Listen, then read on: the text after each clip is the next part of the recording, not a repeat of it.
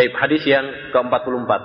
Nabi sallallahu alaihi wasallam mengatakan, "An Aisyah radhiyallahu anha, anin Nabi sallallahu alaihi wasallam qala" Dari Aisyah radhiyallahu anha, dari Nabi sallallahu alaihi wasallam, Nabi bersabda, "Ar-radha'atu tuharrimu ma tuharrimul wilada." Kharrajahu al-Bukhari wa Muslim. Dari Aisyah radhiyallahu anha, dari Nabi sallallahu alaihi wasallam mengatakan, "Ar-radha'ah" persusuan tuharrim membuat haram membuat mahram ma tuharrimul wiladah apa yang membuat haram al wiladah nasab ya Taib. Jadi pembahasan hadis 44 ini adalah membahas tentang masalah apa? Mahram. Bahas tentang masalah mahram. Mahram dibagi oleh para ulama. Kita berbicara dulu masalah mahram. Ya. Mahram bukan muhrim. Ya, banyak orang salah dalam ini, lafat ini. Ya. Dia datang sini misalkan ada seorang perempuan, wanita, dia datang sini harus bawa muhrim atau dia sini sama muhrimnya enggak. Ini keliru. Muhrim adalah orang yang ihram. Muhrim dalam bahasa Arab, ahrama yuhrimu muhrim itu adalah orang yang ihram. Ihram untuk haji atau umrah. Itu muhrim. Tapi kalau mahram yakni bapaknya, ya, saudaranya. Baik. Mahram terbagi menjadi dua macam. Yang pertama adalah mahram ilal abad, selama-lamanya. Selama-lamanya. Yang kedua adalah mahram ilal amad. Kalau tadi selama-lamanya, yang kedua ini apa? Sementara. Jadi ada selama-lamanya, mahram selama-lamanya, dan ada mahram sementara. Baik. Mahram ilal abad selama-lamanya ada terbagi menjadi lima. Yang pertama karena nasab, yang kedua karena persusuan, yang ketiga karena perkawinan, yang keempat karena li'an, li'an, yang kelima karena ihtiram, penghormatan. Baik, kita berbicara dulu yang pertama, yaitu apa? Mahram yang selama-lamanya karena sebab nasab, karena sebab nasab. Mahram karena nasab ada tujuh macam. Disebutkan oleh Allah Subhanahu wa taala dalam surat An-Nisa ayat 23. Ini bisa dicek. An-Nisa ayat 23. Hurrimat alaikum ummahatukum wa banatukum ya wa akhwatukum wa ammatukum wa khalatukum wa banatul ahi wa banatul ukht. Ada berapa? Tujuh. Ibu, Hurrimat alaikum ummahatukum, ibu kalian. Wa banatukum, anak-anak kalian, putri kalian. Wa akhwatukum, saudari-saudari kalian. Ya. Wa ammatukum, ya bibi dari ayah. Jadi saudarinya ayah. Wa khalatukum, bibi dari ibu, saudarinya ibu. Baik. Kemudian wabanatul ahi, anaknya saudara kita, ponakan. Wabanatul ukhti, anak saudari kita, ponakan dari saudari kita. Jadi ada tujuh macam. Ini adalah mahram dari nasab. Jadi yang pertama adalah apa? Ibu. Tidak boleh seorang menikahi ibunya. Jelas, kalau ini jelas. Wabanatukum, anak. Nggak boleh menikahi anaknya sendiri. Haram. Kemudian saudari kita sendiri. Nggak boleh. Baik saudari bapak atau apa? Ibu. Kemudian bibi. Baik bibi dari bapak ataupun dari ibu. Mah ataupun khalah. Kemudian yaitu apa? Keponakan. Baik keponakan dari saudara laki-laki maupun keponakan dari saudara perempuan. Ini semuanya adalah haram. Demikian juga sebaliknya. Kalau kalau tadi kan itu bagi laki-laki ya, diputar juga. Kalau bagi perempuan ya sama saja bapak, kemudian apa? Anaknya. Misalkan, kalau bagi perempuan, misalkan, maka berarti haram bagi dia untuk menikah dengan bapaknya, menikah dengan anaknya, menikah dengan saudaranya, menikah dengan keponakannya, dan seterusnya. Atau pamannya. Paham ini ya? Baik. Ini mahram dari nasab. Yang kedua adalah mahram dari apa? Persusuan. Nah, mahram dari persusuan sama seperti mahram dalam nasab. Sama saja. Oleh karena itu, itu yang dimaksud dalam hadis ini. Ar-radha'atu tuharrimu ma tuharrimul wilada. Ya, persusuan itu sama seperti nasab. Sama seperti nasab, memahramkan seperti nasab memahramkan. Misalkan, satu contoh gambaran ya. Ada anak bayi diberi susu. Ya, nyusu. Ada bayi belum dua tahun, ya, diberi susu pada tetangganya. Lebih dari lima kali. Nanti insya Allah akan kita bahas tentang masalah persusuan ya. Secara lebih detail insya Allah. Lebih dari lima kali. Akhirnya dia menjadi apa? Anak persusuan. Kan gitu. Ada anak bayi disusukan kepada seorang perempuan. Tangganya. Fatimah misalkan. Maka Fatimah lebih dari lima kali ya. Nanti insya Allah syarat-syaratnya akan kita bahas. Maka anak ini menjadi anak persusuan. Fatimah adalah ibu persusuannya. Maka persusuan ini menyebabkan seperti nasab. Haram bagi si laki-laki tadi kalau sudah besar misalkan menikah dengan Fatimah. Menikah dengan anaknya Fatimah karena dia berarti saudaranya. Menikah dengan misalkan saudara saudarinya Fatimah. Karena berarti dia adalah bibinya. Ya, paham ini? Nah, itu. Sama seperti apa? Halnya nasab. Sama saja. Jadi persusuan sama seperti nasab. Ar-radha'atu tuharrimu ma tuharrimul wiladah. Baik, jelas ini. Yang ketiga adalah mahram dari sebab pernikahan atau perkawinan, musaharah. Nikah dari disebabkan musaharah ada empat. Yang pertama adalah mertua. Ya, mertua. Kemudian menantu. Kemudian istrinya bapak dan istrinya anak. Empat. Ya, ada empat. Disebutkan juga dalam surat An-Nisa. Wa ummahatu nisaikum. Ya kan? Wa ummahatu nisaikum.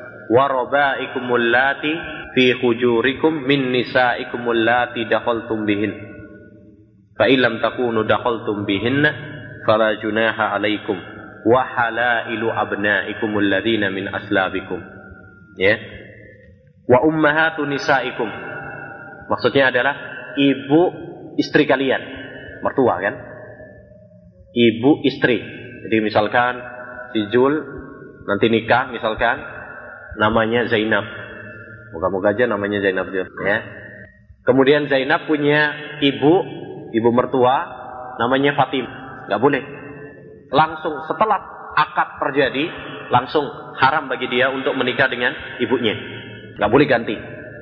Misalkan setelah nikah sama anaknya, habis akad, kobil tuh, wih, cantikan ibunya ternyata. Gak boleh ganti. Walaupun belum jima. Walaupun belum jima. Bedakan. Selanjutnya, warobaikumul lati fi hujurikum min nisaikumul lati dakhaltum bihinna. Anaknya istri. Anaknya istri. Apa namanya? Anaknya istri. Jadi kalau misalkan ada seorang menikah dengan sudah janda, sudah punya anak. Ya, sudah anak tiri. Sudah sudah punya anak. Ya. Maka di sini kalau dia sudah nikah, sudah nikah dengan ibunya. Tapi belum dukul, belum jima. Maka di sini apa? Boleh bagi dia untuk menikah dengan anaknya. Paham? Misalkan, saya misalkan gampang aja. Kalau tadi Jul ya. Gantian Jul. Misalkan saya menikah dengan seorang, aduh, udah jangan, udah udah janda, sudah punya anak. Ya, sudah punya anak. Ya, kalau tadi Fatima, misalkan. Kemudian anaknya namanya Zainab. Sudah nikah, mobil tuh, aduh, nggak tahu, nggak tahu ternyata punya anak, ah, mendingan anaknya deh.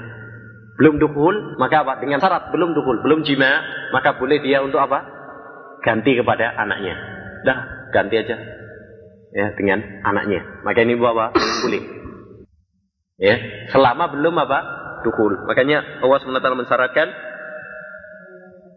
Allati dakhaltum bihinna.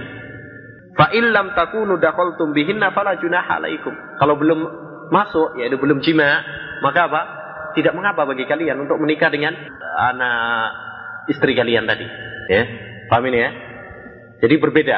Kalau antum menikah dengan anaknya sekedar akad, haram untuk menikah dengan ibunya.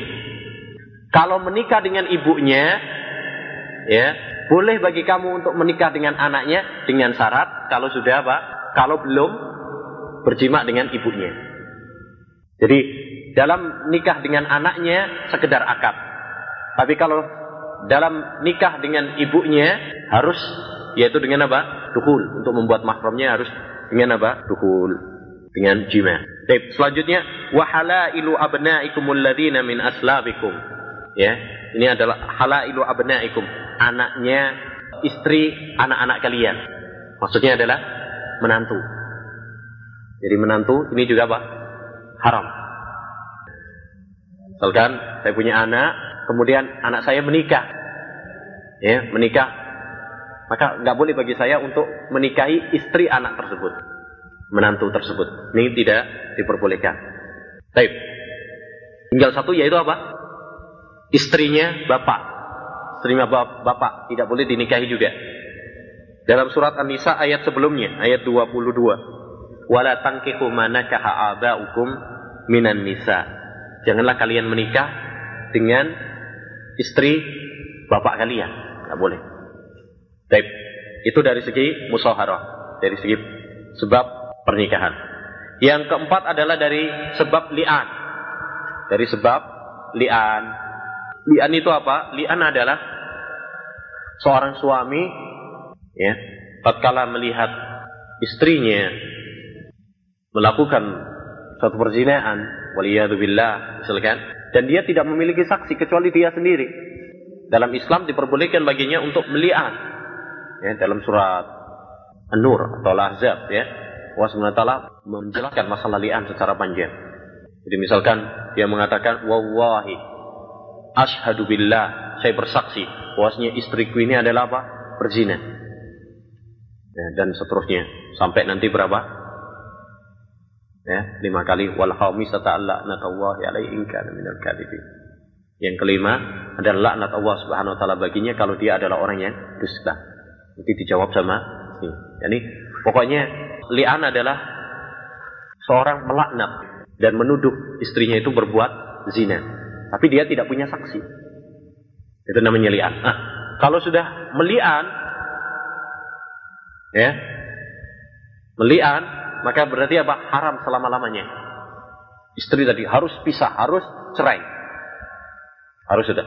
Jadi kalau misalkan ada seorang seperti tadi ya, wali billah, maka harus dipisah. Suami istri kalau tadi sudah harus diceraikan, fasah, ceraikan. Dan ini tidak boleh kembali lagi selama-lamanya ila yaumil kiamat. Sampai kiamat nggak boleh bertemu lagi, nggak boleh nikah lagi. Selama-lama. Ya, itu maksudnya muharram ilal abad. Yang kelima adalah haram lil ikhtiram. Untuk penghormatan. Siapa ini? Istri-istri Nabi Shallallahu Alaihi Wasallam tidak boleh dinikahi karena apa? Penghormatan. Allah SWT mengatakan dalam surat Al-Ahzab, "An-Nabi wa aula bil mu'minina min anfusihim wa azwajuhu ummahatuhum." Wa azwajuhu ummatuhum. Istri-istri Nabi itu adalah ibu-ibu mereka, ibu kaum mukminin. Tapi apakah dalam masalah mahram? Ya. Ini tidak boleh dalam masalah nikah saja. untuk sebagai penghormatan. Ya, sebagai penghormatan. Oleh karena itu istri-istri Nabi Shallallahu Alaihi Wasallam tidak ada yang dinikahi setelah Nabi Shallallahu Alaihi Wasallam. Karena itu kehormatan bagi Nabi Shallallahu Alaihi Wasallam. Karena mereka nanti akan menjadi istri-istri Nabi di dunia dan di akhiratnya kelak. Tapi berarti jelas bagi kita bahwasanya mahram wanita ya yang haram bagi kita laki-laki ada dua. Yang pertama ilal abad yang selama-lamanya dan ini ada lima sebab. Ada yang karena nasab, ada yang karena susuan, ada yang karena pernikahan, ada yang karena li'an, dan yang kelima karena penghormatan. Yang kedua, jenis yang kedua adalah mahram yang sementara. Maksudnya haramnya itu cuma sementara saja. Tidak selama-lamanya. Ya. Ini ada delapan. Ada delapan. Ya. Haram sementara itu ada delapan. Yang pertama, saudara istri. Ini saudarinya istri. Misal, saya lagi Jul. Saya lagi apa tuh? Hah? Saya aja ya. Saya misalkan menikah dengan seorang namanya Fatimah. Fatimah ini punya saudari, ya, namanya Aisyah. Taib. Setelah menikah, nggak boleh digabung. Dua-duanya jadi istri, nggak boleh. Maka itu Allah SWT mengatakan, wa anta jma'u bainal ukhtain. Kamu menggabung antara dua saudari itu nggak boleh. Ya. Apa sebabnya dan apa hikmahnya itu nanti pembahasan di luar tape. Yang kedua adalah ammah, ammatuha, menjamak antara seorang wanita, seorang istri dengan bibinya. Menikahi wanita tadi Fatimah misalkan. Kemudian istri kedua bibinya. Bibinya Fatimah tadi. Ini nggak boleh, digabung nggak boleh. Tapi apakah ini selama-lamanya? Enggak. Ya. Yang dilarang adalah kalau menggabung. Ya, menggabung. Kalau nggak digabung, boleh. Misalkan setelah menikah Fatimah, nggak taunya Fatimahnya sudah meninggal. Ganti saudarinya, boleh apa enggak? Setelah menikah Fatimah, setelah dua tahun, ya, misalkan meninggal. Wah, nggak taunya punya saudari nikah dengan adiknya. Boleh? Yang dilarang adalah apa? Menggabung antara dua saudari. Demikian juga habis menikah dengan bibinya misalkan ganti dengan tadi keponakannya dengan keponakannya. Boleh. Atau habis keponakan kemudian setelah meninggal atau setelah dicerai ganti bibinya. Ini apa? Boleh. Itu maksudnya sementara. Jadi tidak selama-lamanya tapi hanya sementara. Taib. Yang kedua adalah khola. Ya, menggabung antara seorang wanita dengan bibinya dari ibu. Ini juga tidak diperbolehkan. Taib. Berarti berapa itu? Tiga ya. Amma, khola. Ya kan? Pertama saudari. Kemudian amma, bibi dari bapak. Am itu bapak. Khola itu adalah bibi dari istri. Taib. Yang keempat adalah orang kelima bagi orang yang sudah memiliki empat istri. Misalkan si Zaid sudah punya empat istrinya, sudah empat. Mau nambah lagi boleh nggak? Nggak boleh. Mau nikah sama sudah punya empat, mau nikah yang kelima nggak boleh. Ya. Kecuali kalau dicerai dulu, cerai diganti boleh. Yang nggak boleh adalah kalau dia apa? Menikah lebih dari empat. Tapi kalau misalkan sudah punya empat, meninggal satu atau dicerai satu, menikah dengan yang kelima ini, maka boleh karena dia menjadi orang yang keempat. Karena dalam Islam tidak boleh seorang laki-laki menikah lebih dari empat, nggak boleh. Taib. Yang kelima adalah wanita berzina, nggak boleh sampai dia bertobat. Az-zaniyatu la yankihuha illa zanin musyrik. Kemudian kata Allah, wa hurrima dzalika 'alal mu'minin. Diharamkan hal itu, yakni menikahi pezina sampai dia bertobat kepada Allah Subhanahu wa taala. Yang keenam adalah seorang wanita yang telah diceraikan ya, yang telah diceraikan suaminya dengan tiga kali, tiga talak, tiga perceraian, sampai dia menikah dengan orang lain. Misalkan si Zaid, ya, dia menceraikan istrinya tiga kali. Maka tidak boleh bagi Zaid tadi untuk menikah lagi dengan istrinya. Sampai istri tersebut apa? Si istri tersebut menikah dengan orang lain dan orang lain tadi menjimainya, baru kemudian apa boleh bagi dia untuk menikah lagi dengan suami yang pertama. Fa in talaqaha fala tahillu lahu min ba'du hatta tankiha zawjan ghairah. Baik. Kemudian yang ke berapa? Tujuh. Yang ketujuh adalah wanita yang dalam keadaan ikhram sampai dia selesai tahallul. So kan ada wanita yang masih berangkat umroh atau haji, masih dalam keadaan ikhram, menikah boleh atau enggak? Enggak boleh. Nah Nabi Sallallahu Alaihi Wasallam nikah, ya nikah muhrim, enggak boleh. Nabi Shallallahu Alaihi dalam hadis Utsman bin Affan melarang untuk menikah dengan wanita yang masih apa? Muhrim. Ya, au kama qala. Yang kedelapan yang terakhir adalah seorang wanita yang masih dalam iddah, dalam masa menunggu. Ini tidak diperbolehkan sampai selesai masa iddahnya. Ini mungkin beberapa hal ya tentang masalah mahram. Sebenarnya masih panjang tentang masalah persusuan. Besok insya Allah kita akan bahas tentang masalah persusuan. Jadi kesimpulannya mahram terbagi menjadi dua macam. Ada yang ilal abad selama-lamanya dan ada yang sementara. Selain itu, maka hukumnya adalah apa? Halal. Selain itu, hukumnya adalah halal. Allah SWT berfirman, Wa uhilla lakum ma wara'a dhalikum. Ya, dihalalkan bagi kalian sel selain itu. Selain yang saya sebutkan tadi, maka hukumnya adalah halal. Taib. Misalkan menikah dengan sepupu, anaknya paman. Banyak orang kita menganggap bahwasanya menikah dengan sepupu adalah nggak boleh. Misalkan paman, pamannya punya anak. Ya, boleh menikah dengan dia? Boleh, karena itu bukan mahram. Dia adalah wanita yang asing. Oleh karena itu hati-hati. Anaknya paman atau anaknya bibi itu adalah bukan mahram. Boleh bagi kamu untuk menikahinya. Ya, dan tidak boleh bagi kamu selainnya misalkan untuk bersepi-sepi dengannya, salaman dengannya, ya. Karena dia adalah orang asing seperti orang asing. Ya. Baik, ini perlu diperhatikan. Dalam surat Al-Ahzab ditegaskan oleh Allah Subhanahu wa taala ya. Dalam surat Al-Ahzab, apa kata Allah Subhanahu wa taala? Ya ayuhan nabi inna ahlalna laka azwajaka allati ataita ujurahunna wa ma malakat yaminuk mimma afa Allah alaik wa banatu ammik wa banatu ammatik wa banatu khalik wa banatu khalatik. Ditegaskan oleh Allah Subhanahu wa taala.